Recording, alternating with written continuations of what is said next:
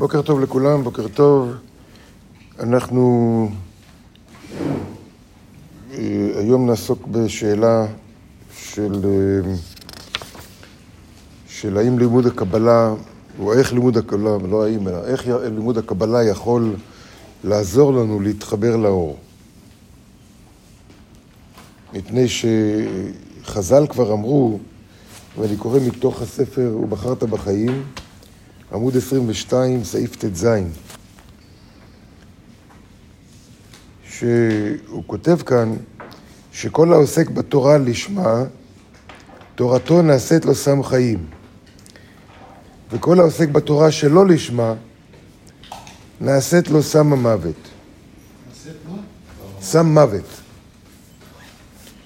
באחד השיעורים גם הזכרנו שמי שהולך עם התורה ימינה, התורה היא סם חיים, מי שהולך בתורה שמאלה, התורה היא סם מוות, לא מדובר פה על פוליטיקה. לא מדובר פה על פוליטיקה של ימין ושמאל, אלא בקבלה ימין ושמאל זה לא פרוגרסיביים ושמרנים, אלא ימין זה העניין להפך, זה בדיוק הפוך אגב. אה, ימין הכוונה לחסד, נתינה, כוח של האור, ושמאל הרצון לקבל לעצמו. אז בשני הדברים האלה כתוב שהתורה יכולה להיות סם חיים ויכולה להיות סם מוות. וצריך לדעת את זה, כמו שתרופה יכולה להיות אה, תרופה, אבל אם לוקחים יותר מדי, או בצורה לא נכונה, או בזמן הלא נכון, או לבן אדם הלא נכון, זה כל תרופה יכולה להיות גם סם מוות. ככה גם התורה היא כזאת. ואף על פי כן, ואף על פי כן, זאת אומרת, אם בן אדם לומד תורה לא לשמה, לא לשמה, מה זה נקרא לשמה ולא לשמה, עסקנו בזה הרבה, בהרבה שיעורים. אבל בסך הכל תורה לשמה, הכוונה בשביל המטרה של התורה, בשביל המטרה של התורה, והמטרה של התורה, התורה ניתנה לנו, ניתנה בשביל הנשמה שלנו, וניתנה לנו בשביל שאנחנו נוכל להשתנות, בתור כלי עזר להשתנות. אז מי שלמד תורה בשביל להשתנות, בשביל להשתנות, התורה תהיה לו סם חיים. ומי שלומד תורה בשביל ללמוד תורה, או בשביל לקיים מצוות, או סתם ככה בשביל, הוא נהנה ללמוד תורה, זה עושה לו טוב ללמוד תורה, יהיה לו סם מוות. אבל על זה יש שאלה, כי בכל אופן, במקום אחר כתוב, שלעולם יעסוק אדם בתורה, אפילו שלא לשמה, אפילו לא בשביל להשתנות. כמה שאני עושה פה שטיפת מוח על שכל הלימוד של הקבלה נועד בשביל להשתנות. ילמד בן אדם אפילו לא להשתנות. מדוע? שמתוך שלא לשמה, יבוא לשמה. איכשהו זה יקרה. איכשהו זה יקרה. אז זו שאלה, יש פה עכשיו על הדבר הזה, מפני ש... אומנם זה כתוב בכתובים, אבל אנחנו רואים שאנשים שלומדים תורה לא לשמה, נשארים כאלה כל החיים, ואולי אפילו גלגול אחרי גלגול.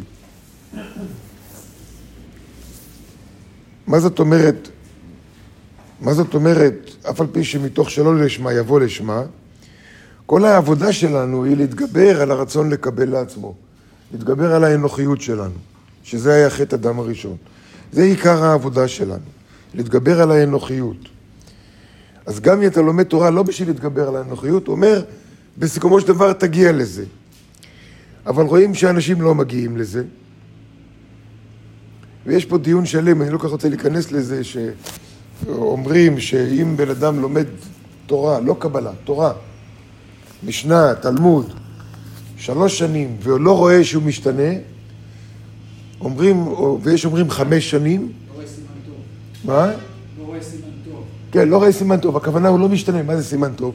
הוא רואה שלא משתנה, הוא נשאר אותו בן אדם, למרות שהוא לומד תורה. אז אומרים אחרי שלוש שנים, יש כאלה אומרים חמש שנים, שיעזוב את התורה, יעזוב את הישיבות וילמד קבלה. וילמד קבלה. יקרא בזוהר, כי הזוהר כן עוזר.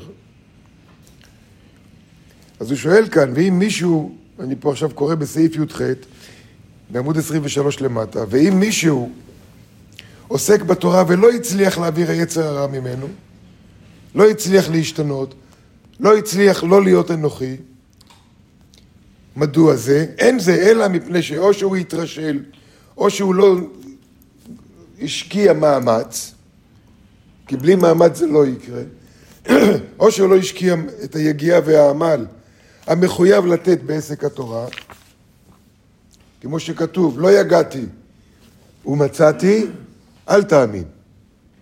זאת אומרת, בן אדם לא- אפילו לומד קבלה, אבל הוא לא מתייגע, הוא לא מתאמץ. אל תאמין. אפילו אם מצאת, אפילו אם השתנית, אל תאמין. זה לא יחזיק מעמד. מה זה נקרא מאמץ? איך מודדים מאמץ? או מה המאמץ שכולנו צריכים לעשות? ואף אחד לא יכול להגיד אני לא יכול. יש רק מאמץ אחד שמתאים לכל בן אדם, וזה ללכת נגד הטבע של עצמו. כל אחד, אם הוא הולך נגד הטבע של עצמו, נגד ההרגלים של עצמו, זה קשה לו. זה קשה לו, וזה קשה לו מאוד. אין אחד שלא קשה לו. זה לא משנה כרגע אם הבן אדם עושה הרבה או מעט, הכל יחסית לטבע של עצמו. לכן, לא יגעתי ומצאתי, אל תאמין. או יכול להיות שמילאו כמות היגיעה הנדרשת, אבל התרשלו באיכות. בן אדם שמתאמץ, מתאמץ.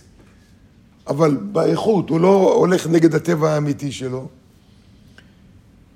או שהלכו על האיכות, אבל לא על הכמות. בכל מקרה, מי שלא מתאמץ, שלא נתנו דעת, או שלא נתנו את דעתם וליבם בזמן הלימוד, או בזמן הזה, שאני עושה את זה בשביל להשתנות. מי שלא מכוון שהוא עושה את זה בשביל להשתנות, שהוא לומד תורה בשביל להשתנות, או לומד קבלה בשביל להשתנות, אז זה לא יכול לקרות, אז הוא לא יכול לזכות. כי כתוב שהמאור שבתורה מחזירו למוטב. המאור שבתורה, לא האור שבתורה, המאור שבתורה. הוא יסביר את זה אחר כך מה זה. המאור שבתורה שמביא את האמונה או את הוודאות בלב האדם. בלב האדם. זאת אומרת, לימוד תורה תמיד צריך להיות מלווה ביגיעה. לימוד תורה, לימוד קבלה, זה חייב להיות מלווה ביגיעה של ללכת נגד הטבע של עצמנו. וכל אחד יש לו את הטבע שלו, וכל, ה, באמת העבודה הקשה זה כל אחד להכיר מה הטבע שלי, מה בא לי באופן אוטומטי, מה האזור הנוח שלי, וללכת נגד זה. ללכת נגד זה. אז מתגלה מאור, המאור שבתורה, וזה יכול לעזור לנו. אבל יש פה איזושהי סתירה. יש פה איזושהי סתירה. אם אתה לומד רק תורה, או לומד רק קבלה, ככה או ככה, יש איזושהי בעיה, יש איזושהי בעיה עם זה, ומה הבעיה? נדבר על זה מחר.